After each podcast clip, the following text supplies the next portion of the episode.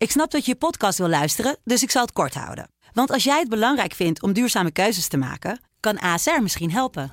Nou hoor ik je denken, hoe dan? Nou, bijvoorbeeld bij het duurzaam herstellen van schade. Of de premies die we beleggen volgens ons duurzaam beleggingsbeleid. Dat bepaalt waar we wel en juist niet in investeren. Wil je meer weten over welke duurzame keuzes ASR maakt? Ga dan naar asr.nl slash duurzame keuzes. ASR doet het. Zo, dan kan je nu lekker naar je podcast luisteren. Dit is het Telegraafkwartier. De dagelijkse nieuwspodcast van de Telegraaf. Met Michiel Kooijman. Welkom bij het Telegraafkwartier van woensdag 31 januari. Met vandaag, hulpverleners slaan alarm over het toenemende gebruik van vlakka. En goed nieuws, want het leven wordt weer goedkoper. Tenminste, als je je boodschappenlijstje heel beperkt houdt. Aangeschoven zijn vandaag verslaggever Eveline Belsma en coördinator van de Financiële Telegraaf Willemijn van Bentum. In Zuid-Nederland zorgt de toename van het gebruik van designerdruk vlakka voor meer en meer problemen. Onze verslaggever Eveline Belsma heeft gesproken met zorgverleners en verslavingsdeskundigen. Eveline, om bij het begin te beginnen, uh, is een designerdruk. Wat is precies een dezigner Nou, een dezigner is een uh, drug die wordt gemaakt in een laboratorium. En dat betekent dat je zelf de samenstelling heel goed kunt beheersen. En uh, degene die dat maken willen vaak andere drugs namaken en de effecten daarvan. Maar het is ook zo dat je dus heel goed weet wat erin zit. En als we het over vlakka hebben, daar zit een stof in, alpha-PHP. Dat is nu nog legaal. Dat is zeer binnenkort niet meer zo. Stel dat het illegaal wordt verklaard, dan kun je een paar moleculen aanpassen. En dan valt die drug niet meer onder de opiumwet. En dan is hij weer legaal. Oké, ja, dus die, die vlakka die wordt nu nog gemaakt met ingrediënten die legaal zijn. We gaan het zo meteen even hebben over dat het dan illegaal wordt. Maar al wordt het illegaal, dan kan je met heel weinig aanpassingen eigenlijk meteen weer legaal maken. Ja. Ja, ja en even over die, die designer drug vlakka zelf. Wat is dat voor drugs? Ja, het is een, een poeder dat je rookt in een soort crack pijpje. En ja, dat stijgt uh, direct naar je hoofd en je gaat ervan uh, hallucineren. Je kunt er heel geagiteerd en uh, ja, agressief ook van worden, omdat het heel moeilijk te doseren is. Dus je zit al snel aan te veel. Ja, en dan kun je ook, als je zo aan het flippen bent, of eigenlijk nog erger dan het, ook overlast geven. Ja, en uh, jij hebt met verschillende zorgverleners gesproken en verslavingsdeskundigen. En in Zuid- en Zuidwest-Nederland uh, is dus echt een toename gesignaleerd van overlastgevende mensen door het gebruik van die drugs. Ja, ja het is wel lastig om daar uh, cijfers op te plakken. Maar zij zeggen wel, wij zien dat het aantal mensen dat dat gebruikt toeneemt. Dat het zich door de regio uh, verspreidt op allerlei uh, manieren. De man die ik sprak, die gokt dat het ongeveer om een paar honderd mensen gaat. Maar inderdaad ook het aantal politiemeldingen, ja dat is groot. Er zijn vier burgemeesters die een brief hebben geschreven aan de Eerste Kamer. En die zeggen tussen januari en begin juni vorig jaar hebben wij 134 meldingen gehad van uh, mensen die problemen veroorzaakten en onder invloed waren van vlakken. Wat voor soort gebruikers zijn het dan? Zijn het dan een soort van recreatieve gebruikers? Of? Nee, dat is niet zo. Uh, gelukkig zou ik zeggen, want het is echt een gevaarlijke uh, druk. Het is heel erg uh, verslavend. Nee, het zijn mensen die al vaak meerdere problemen hebben, dak- of thuisloos zijn en al verslaafd zijn aan bijvoorbeeld crack of cocaïne of heroïne. Vlakka zijn gaan zien als alternatief of het allemaal samen gaan gebruiken. Het is een upper. Dus als je bijvoorbeeld GHB gebruikt, dat is een downer. dat gebruiken verslaafd ook om te slapen. En dan is die vlakka weer om nou, wat energie te krijgen, zeg maar, even kort door de bocht. Is het ook goedkoper dat ze hierop uh, overstappen? Ja, ja. Dat is de reden ook. Dat is een van de problemen ook. Het is heel goedkoop en het is ook heel bereikbaar. Je hoeft niet uh, in een steegje af te spreken met een dealer. Je kunt het gewoon online bestellen. En dan krijg je het uh, thuis bezorgd. Nou, je geeft dus aan, het is dus online heel makkelijk verkrijgbaar. Een soort nou, online webshop en dan wordt het geleverd. Maar dat komt dus omdat het legaal is. Ja, dat is ook de manier waarop designer drugs, die synthetische drugs aan de man worden gebracht. Dat kun je dus uh, bestellen. Maar ja, uh, die hulpverleners zeiden tegen mij, ja, we willen eigenlijk niet dat je die webshops noemt. Ja, dat vond ik uh, eigenlijk wel heel logisch. Dat heb ik ook niet gedaan in ons stuk daarover.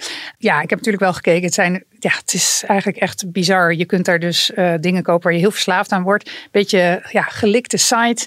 En uh, je kunt er ook leuke uh, zonnebrillen bestellen met de naam van je nachtapotheker erop. En wat ze dus ook doen is als je iets anders bestelt, dat er wel eens een proefmonstertje vlakka wordt meegestuurd. Kun je het ook even lekker proberen. Alles om je maar zo snel mogelijk verslaafd te maken. Ja. ja. ja. En deze drugs die is niet nieuw.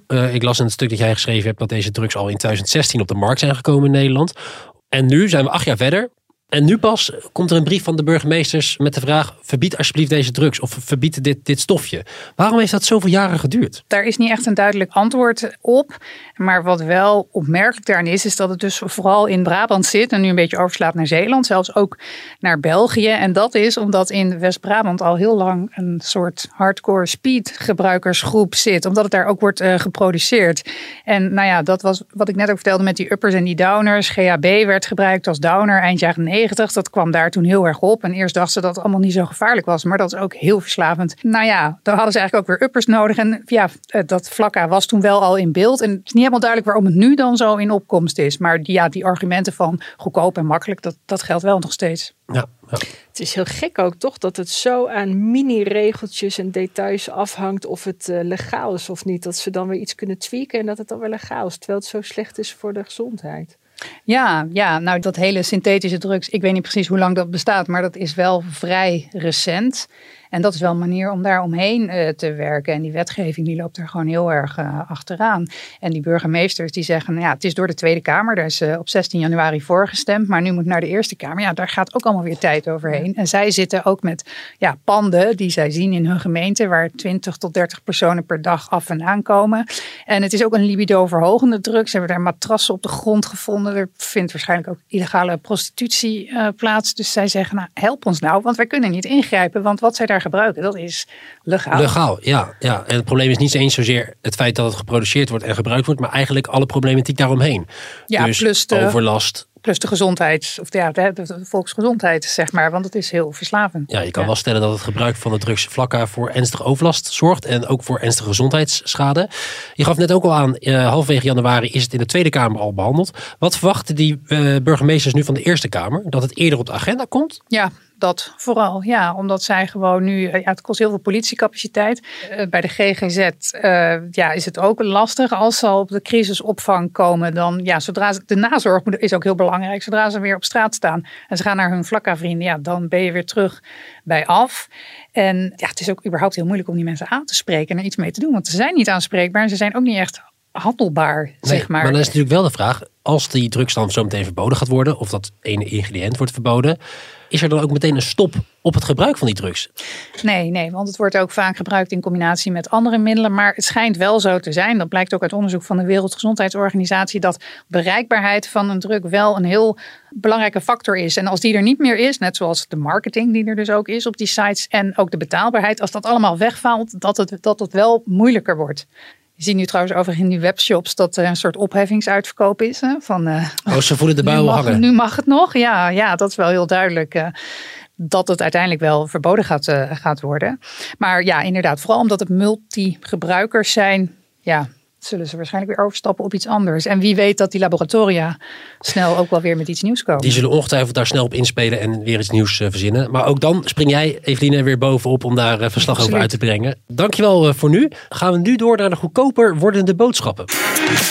Want goed nieuws voor de consument. Supermarkten maken de dagelijkse boodschappen goedkoper. Dat uh, kopten wij vanochtend. De betaalbaarheid van de dagelijkse boodschappen, nou, die, die stond nogal onder druk.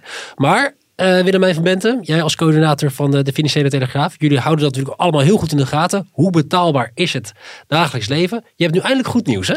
Inflatie is inderdaad echt het onderwerp van 2023. En ik heb vernomen dat dat nog steeds een onderwerp blijft in 2024. Want het is echt een ding wat heel erg speelt. En wat we direct allemaal voelen in de portemonnee. Want iedereen heeft gevoeld afgelopen jaar als je boodschappen ging doen... dat het echt duurder is, uh, was dan. Ik weet niet hoe jij dat... Uh, heb je dat ervaren ook, Evelien? Ja, absoluut. Als je ja. in de supermarkt staat, ja. Ja, en gelukkig zijn nu wat lonen aan het verhogen um, doordat cao's zijn aangepast. Maar het wordt nu weer iets goedkoper inderdaad. Uh, waaronder uh, bij de Jumbo. Dat heeft te maken met dat zij zich beter willen positioneren, zoals dat heet, ten opzichte van de Albert Heijn. Ja.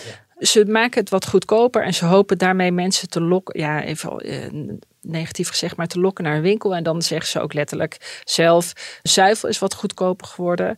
Koffie, die daalt ook en die was namelijk enorm gestegen vorig jaar. Maar dat die dan worden ingeslagen, dat ze dan denken: nou, dan doen we ook dat koekje nog even erbij of die taart. Of, ah, uh, dat ja, ze, dus ze kiezen ja, zeg maar de strategische uh, producten uit, die maken ze goedkoper in de hoop dat er veel mensen naar de supermarkt Ja. komen. En de, vervolgens doe je dan het koekje nog steeds wel heel duur maken. En dan hoop je daarmee toch je marges goed te maken. Dat is nou een ja, beetje het idee. Duur, duur te houden. Hè. Ik heb altijd het voornemen om een paar producten bij de ene winkel en de, dan de andere producten bij de andere winkel, omdat het daar goedkoper is. Maar uiteindelijk ga ik altijd naar die ene winkel waar alles gewoon uh, heel duur is. Ja, ja. Je kiest... Uit tijdsbesef en dan uh, sla ik alles maar in. En dan denk je net, wat, uh, en daar hopen zij natuurlijk op dat jij uh, voor het gemak kiest. En op basis daarvan ja, lekker je ja. winkelwagentje volgooit. Ja, ja, nee. Dus, uh, en we hebben natuurlijk dus de, de supermarktoorlog gehad. Hè. Prijs tegen prijs ja. tegen prijs. Alles werd steeds lager. Maar dat, daar hoeven we niet bang voor te zijn, zeggen experts. Dat gaat niet gebeuren. Nou, want... bang voor te zijn? Ik zou het juist ik zou het een heel goed, heel dat goed waar, nieuws dat vinden. Hoe je het, hoe, ja, ik vind oorlog altijd een negatief. ja, zeker heden de dagen. Maar ik vind. nee, dat is waar. Daar hoeven we niet op uit te kijken, inderdaad, als consument. Uh, want dat gaat niet gebeuren. Maar scheelt het veel? De, de Rabobank denkt dat de boodschappenprijzen dit jaar 1 à 2 procent nog wel hoger uitvallen. Maar uh, bepaalde dingen die goedkoop worden, zoals uh, ontbijtgranen, havermout, filterkoffie, dat wordt wat goedkoper. Maar het gaat om een paar procent. Maar goed, ja. toch uh, meegenomen. Ja, ja. we hebben de afgelopen maanden ook veel geschreven over krimpflatie, graaiflatie, beknibbelflatie. Ja. Allerlei vormen van producten goedkoper maken, maar tegelijkertijd toch meer overhouden als fabrikant. Zijn we daar nu ook vanaf? Of? Dat weet ik niet. Wat we nog wel hebben is beknibbelflatie. Dus je had inderdaad uh, gewone inflatie, had je krimpflatie, dat je uh, voor dezelfde prijs had je een kleiner potje pindakaas hè, of een uh, kleiner zakje drop. Terwijl die eigenlijk voorheen, dat was toen nog heel leuk, want stuurden mensen foto's in van kijk wat het eerst was. En nu was dan ja, 200 ja. ten opzichte van 230 gram, bij wijze van spreken. En nu heb je beknibbelflatie. Dat is dat er iets heel goedkoops in wordt gestopt. Een goedkoper product, waardoor het al geheel voor de producent goedkoper wordt. Maar ja, dat wij het niet zouden proeven. Ja, dus wij merken niet dat die ingrediënten ja, anders maar zijn. we weten het toch. Ja, we weten het toch. En tenzij je... Ik heb twee kinderen, dat zijn echte fijnproevers. Die proeven alles. Dus, uh, ja, die, die, merken meteen dit van... Zijn hey, geen dit smaakt noten. anders. Dit is geen merk ijs. Mam. Ja, dan zeg je dus, echt uh, wel. Want dan kijk je op de verpakking en denk je... Nee, inderdaad, er zitten andere ingrediënten Ja, in. Die zijn ja. goedkoper. Nee, maar het gaat dan echt inderdaad om uh, goedkope room wat erin wordt gedaan. Of uh, veel minder avocado in de guacamole dip. Uh, maar waardoor, het, Oh. ja, het is echt een beetje... Oh, het is wel heel geniepig zeg. Ja, het is geniepig, ja. ja. Ja, nou, al met al, het is een beetje een gemengd signaal. De basics, die worden goedkoper. Maar we moeten wel oppassen. Ja, nou ja, let goed op. En ga toch, neem de moeite om inderdaad de ene week bij de ene winkel te shoppen. En de andere bij de andere winkel. Om uh, toch een beetje uit te kijken waar je wat koopt. Ja, nou, deze gratis tip van Willemijn van Benten, coördinator van de Financiële Telegraaf, moeten we zeker meenemen. Uh, dank beiden voor het aanschuiven vandaag. En ook bedankt voor het luisteren. Morgen om half vijf zijn we weer. Wil je op de hoogte blijven van het laatste nieuws? Ga dan naar telegraaf.nl of download de Telegraaf app. Tot morgen.